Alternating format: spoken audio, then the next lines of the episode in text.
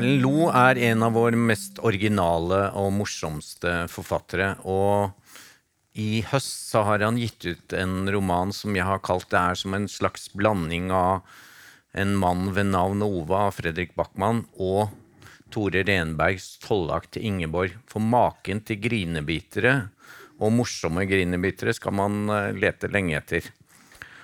Han kommer her nå. Ta godt imot Erlend Lo.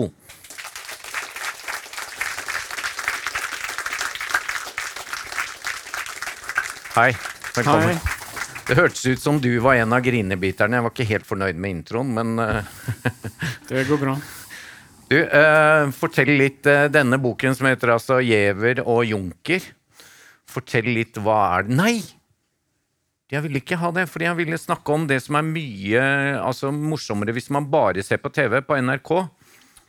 Så har de nå en serie som er veldig morsom, og som Cappelen Dam selvsagt har gitt ut som bok, og som dere kan kjøpe i pocket nå etterpå.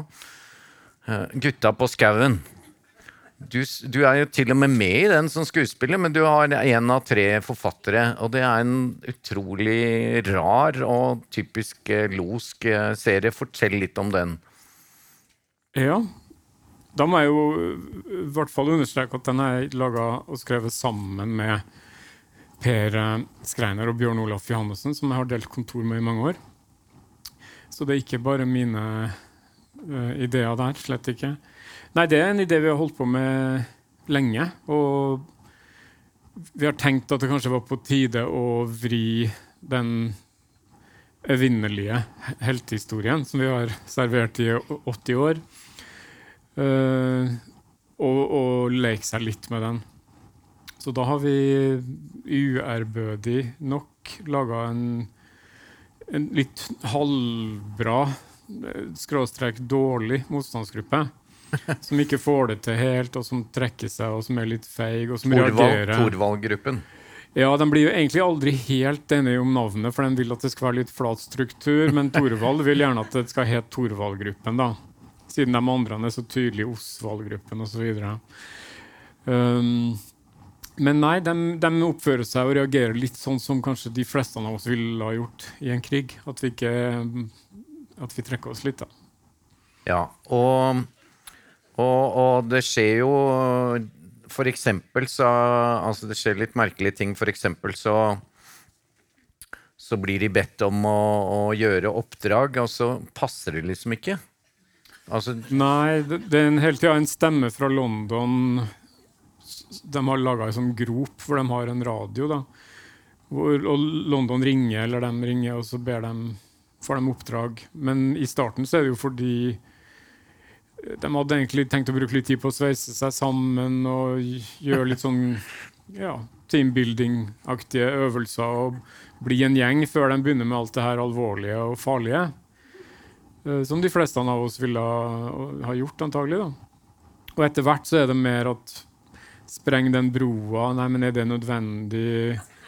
Uh, det virker veldig farlig. Har, du- har vi tenkt på liksom HMS-en i det her? De ombestemmer seg. Og det fine er jo at London ganske langt på vei eh, er enig. da, Blir litt imponert. Og det er ingen andre grupper som tenker sånn. Og, uh, så det skal de ha, liksom. og så uh, Vi snakket om i, i fjor høst, da dere ga ut boken, at eh, det er noen eh, ting der som jeg syns var litt drøy. Selv om jeg er veldig drøy, så er det selv. Så tenkte jeg at eh, dere, dere tuller også i en episode med at de skal eh, følge noen jøder over grensen. Ja, den er selvfølgelig sensitiv, eh, men der mener jeg vi har gått mange nok runder til at jeg føler meg sikker på at dem vi gjør narr av, eller det vi gjør narr av, er holdningene til mange nordmenn, eh, våre forfedre, i mellomkrigstida og i krigstida. For der var det mye grums. Og så kan vi i dag late som det ikke var det, men det var det. Eh, Så, så det leker vi med. Og der har vi vært kontakt, i kontakt med altså mosaiske trossamfunn, og de har lest og de har fått sett episoden, og vi har diskutert og vi har endra. Sånn, så jeg føler meg ganske trygg på at det Altså, begynte er begynte greit. de å le, sånn som vi, vi andre lo? Ja, det uh, de skjønner i hvert fall hva vi gjør. Det tror jeg. Altså Den episoden uh, som også for øvrig var med i boka fra i fjor, kort fortalt er jo at de får beskjed om å følge en, noen jøder over grensa. Og så stusser de litt på det. Er det motstand? liksom? Nei, det høres ikke ut som motstand. Men det er visst godt betalt, så da gjør vi det. Og det er jo ikke gratis å drive motstandsarbeid osv. Så, videre. så møter jo ikke de jødene opp. Og så blir de litt sånn ja, typisk liksom manjana, manjana. Det, vi, de holder ikke avtaler osv. Og, og så går de da til Sverige likevel, for de har hørt at det er en fin tur, og de kjøper bacon og, bacon og røyk og pommac. Og så er det ingen som stiller det spørsmålet hvorfor kom ikke de jødene. Så det er en veldig mørk episode. Men man kan også se den og ikke forstå hva den handler om. Ja. Ja, Så den fins altså på nrk.no, eller dere kan se den på torsdager? Det er vel ikke ferdig ennå? Nei, det er fortsatt fire episoder som ikke har Og gått på ikke minst, alt er jo egentlig bedre som bok, så kjøp den i pocket eller hardback. Eh, Du, Da må vi til denne boken eh, vi begynte med, eh, denne grinebiter-saken som jeg snakket om. 'Giæver og Junker'. Hva er dette for noe? Det her er en um, nabokrangel i en dal, ikke navngitt dal et sted i Midt-Norge, hvor familiene Gjæver og Junker har bodd på nabogårder i, i mange hundre år. Jeg har, har vært litt glad i sånne nabokrangler, som vi har en hel del av i, i Norge, faktisk. Og som det til og med er gitt ut bøker om. og jeg synes stadig vekk det er rettssaker og folk som går bananas på en eller annen måte. da. Jeg har også opplevd det ikke så direkte inn på livet, men jeg har hatt noen i familien som har fortalt helt vanvittige historier og måttet flytte og sånn. Så det er jo alltid fascinerende å se den eh, hvor det, det onde kommer fra da, i sånne konflikter. Så her har jeg latt Gjæver, en, en eldre mann som nå er syk og døende, fortelle til sønnen sin, som han håper skal overta gården, alt han trenger å vite. Så det er en slags sånn katalog over ting han trenger å vite for å ta over gården. Og mantraet, eller refrenget, er hele tida at Junker-familien dem skal holde deg unna fordi de har gjort sånn, og vi har tatt dem, og vi har gjort alt mulig. da, Helt fra ja, Det nevnes ikke noe årstall, men vi skjønner at det er snakk om kanskje 700-800 år. da, Hvor de har ligget i konflikt. Her er det fedrenes synder i veldig mange generasjoner. Men, men sant, bygda er egentlig ikke stor nok for de to familiene, men det er nesten bare de to familiene som dominerer. Ja, det fins noen andre navn i periferien, men de er lenger unna og kanskje litt lenger ned i bygda. Det her er uh, Gjæver-familien bor liksom helt øverst, best solforhold, og så Junker-familien som kom litt seinere østfra, mistenker de. Um, de bor litt mer i halvskyggen og har ikke sol om vinteren, og det, det ler jo Gjæver-familien veldig av. Mm. Og vi tenkte at du skulle lese noen partier for oss på det er veldig korte uh, kapitler her, så jeg har lyst til å lese noen av dem. Da får man liksom inntrykk av hva det her handler om. Skal vi se Jeg har lest noen herfra og derfra. Om lange bukser. Du, nå har jeg sittet og sett på buksene dine en stund. Ba jeg deg ikke om å skifte? Du hører ikke på meg. Det er det som er problemet. Nå skal jeg snart dø, og så hører ikke sønnen min på meg. Det er for jævlig, er du ikke enig? Ville du ikke likt at sønnen din hørte på deg hvis du skulle dø? Det er to problemer med de buksene, ser jeg nå. Det første er at de er av kordfløyel. Det har vi allerede snakket om. Det andre er at de er for lange. Det går ikke. Nede i byen skal det kanskje være sånn, ikke vet jeg, men hvis du tenker deg litt om, så skjønner du at dette bærer galt av sted. Subbing er greit på universitetet, men her oppe er det døden. Subbespor er lette å følge. Junkerne skjønner tvert at du er et svakt individ. De skiller deg fra flokken og tar deg. Dessuten er det mye slitasje. Buksebeinet blir frynsete. Du kommer til å snuble, og da begynner folk å le, og vi gjevere liker ikke at folk ler når vi faller. Nå går du inn til mor di og får den buksa lagt opp mens jeg tar en røyk. Alternativt så brenner du den bare opp og tar på den terulenbuksa du skulle tatt på deg sist vi snakket om bukser. Ja, takk, takk. Takk. Det blir litt fragmentert her nå, men det er, sånn er boka. Det er Giæver som snakker hele tiden. Ja, hele, alltid den samme stemmen. Om refleks. Jeg har sluttet med refleks siden jeg skal dø, men egentlig har jeg aldri brukt det. Sjøl om mor di tror det. Hun gir meg reflekser til jul, men jeg har hatt motstand mot det. Det må jeg bare si. Det byr meg imot. Se på meg, se på meg. Det er noe masete med å gå med refleks. Jeg liker ikke tanken på at folk skal se meg. Hvis jeg går i mørket, er det ofte fordi ingen skal se meg.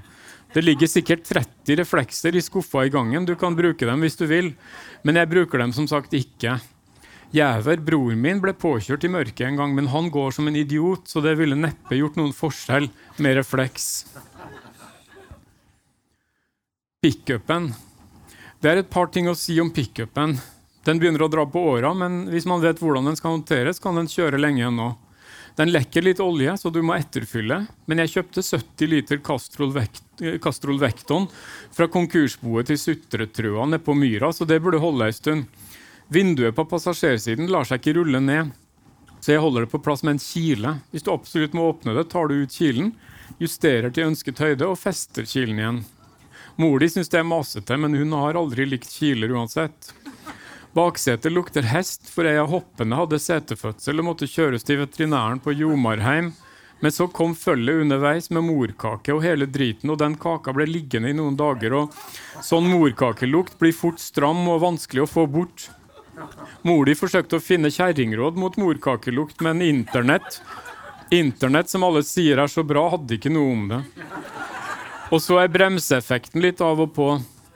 Derfor kjører jeg med åpen dør når jeg drar ned til bygda.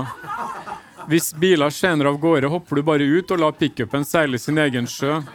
Så får du igjen penger på forsikringa. Ikke mange, men antagelig nok til å kjøpe en tilsvarende brukt. Når du hopper ut, bør du rulle, eller slår du deg? Du kan vel rulle? Få se. Rull rundt på gulvet. Sånn, ja. Dette kommer du til å klare bra. Applaus igjen. Ja, takk. Én til, da, eller? Ja, nei, to til. To til. Eh, om betydningen av ull. Folk som ikke forstår seg på ull, er ikke noe å samle på. Det kan jeg si uten videre, fordi det er sant. Det kan ikke diskuteres. Få se hva du har under den T-skjorta. Ingenting? Nei, nå svimler det for meg. Du går med bomull og ingenting under. Det er siste sort. Aller siste sort. Jeg har sett dusinvis av dansker og belgiere dø oppe i fjellet fordi de bare hadde bomull på kroppen. Til og med om sommeren har jeg opp gjennom årene båret ned et titalls turister som har blitt overrasket av regn og sludd midt i juli. Det skjer i fjellet, vet du. Alt som kan skje i fjellet, det skjer. Til og med om sommeren. Da har de spradet innover i T-skjorte og blitt våte, og du vet, bomull som er våt mot kroppen, det er en dødsdom. Da faller kroppstemperaturen, og etter hvert mister du bevisstheten og synker inn i det hinsidige. Det kan godt hende at det hinsidige er et fint sted. Jeg er straks på vei dit sjøl, men ikke fordi jeg har bomull innerst på kroppen. Det kan du banne på. Jeg har til og med funnet folk som har kledd på seg flere lag med bomull for å holde varmen, men bare oppnådd å bli kaldere og kaldere. La gå at bomull er verdens mest brukte tekstilfiber, men på våre breddegrader er det djevelens verk. Når turistene går av bussen nede på butikken, kan jeg se på 50 meters hold hvem som kommer til å dø når været slår om. Og været slår alltid om. Jeg står nede i bygda og peker. Du skal dø, du skal dø, du skal dø, sier jeg. Men så ser jeg f.eks. en eldre dame fra Tyskland som står i en T-skjorte av ull. Og da vet jeg at hun har vært i fjellet før. Hun kommer til å overleve. Det er så enkelt som det. Junkerne er en bomullsfamilie. De har aldri skjønt dette med ull. Men så fryser de også i hjel oftere enn oss. De hadde ihjelfrysninger både i 1892, 1913 og på slutten av 50-tallet. Og det er sikkert flere, men de syns det er flaut og forsøker å skjule det. Men du skal bruke ull innerst. Neste gang vi ses, altså i morgen, da har du på deg ull. For jeg blir stresset av å se på den bomullen og tenke på hva som kommer til å skje hvis du går deg bort til fjellet og det begynner å regne. Jeg klarer ikke å konsentrere meg. Du gjør en gammel manns siste dager til et helvete med den bomullen. Takk. En siste nå. En til. En siste. Skal vi se Eksen til eksen. Grunnen til at du får gården, til tross for at du er yngst, er, for å si det rett ut, at det er for mye tøys med søsknene dine. Søstera di orker jeg ikke å ha her. Mor di har allerede dratt inn mer enn nok puter. Og bror din finner seg ikke til rette. De siste åra har han f.eks. feira jul med eksen til eksen. Hva skal man si om sånt? Han traff ei dame. Jeg så tvert at hun ikke var i orden, men han gikk rett på limpinnen. Sånn er det noen ganger med damer. Man blir blendet, eller visse personer blir det, som bror din. Og så fikk de et par unger, og så ble han tuppet ut. Men mens de var sammen, ble han kjent med eksen hennes, for han var innom en gang i uka for å hente og levere ungene fra forrige kull. Og de to, altså broren din og eksen til dama, hadde en god tone. Så da det ble slutt, begynte de å henge sammen. Begge hadde mye å si om den dama, og jeg tror de hadde et par andre felles interesser også. Så begynte de å feire jul sammen. Broren din og eksen til eksen og mora til eksen til eksen. eksen. Hun har brokk. Mange takk. Hallo, dere! Tusen takk. Boktips, en podkast fra Cappelen Dam.